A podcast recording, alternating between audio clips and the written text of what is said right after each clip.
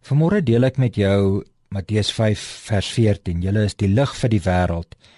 'n Stad wat op 'n berg lê, kan nie weggesteek word nie. Ook steek 'n mens nie 'n lamp op en sit dit onder 'n emmer nie, maar op 'n lampstander en dit gee lig vir almal in die huis. Ek dink die beeld sê al klaar op sigself baie, maar ek dink aan die aan 'n ligtoring vanmôre.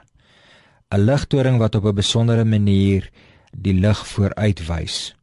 En wat sou ons nou as 'n doelwit vandag wou maak? Wat sou ons vanmôre wou gebruik as 'n lig? Ek dink ons moet elkeen waar ons is vir mekaar sê dat ons is die ligte vir Jesus Christus.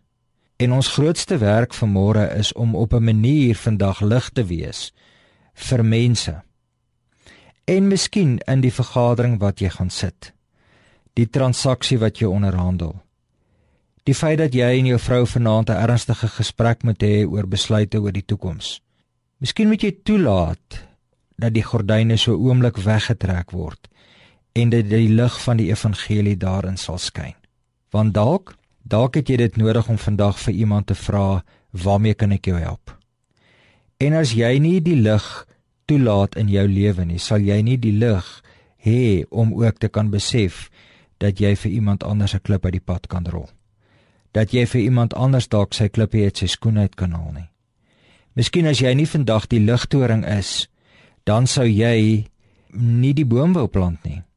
Want 'n boom vir môre en vir oormôre kan alleenlik maar groei as die lig, die sonlig op hom skyn dan sou jy nie die hoop kon hê om 'n beter môre te hê en daarom dan bome plant. So ek wil jou uitdaag om vandag 'n ligtoring te wees. Ek wil vandag vir jou uitdaag om 'n lamp te wees wat nie onder 'n maatemmer weggesteek kan word nie. Die lamp wat die lig skyn.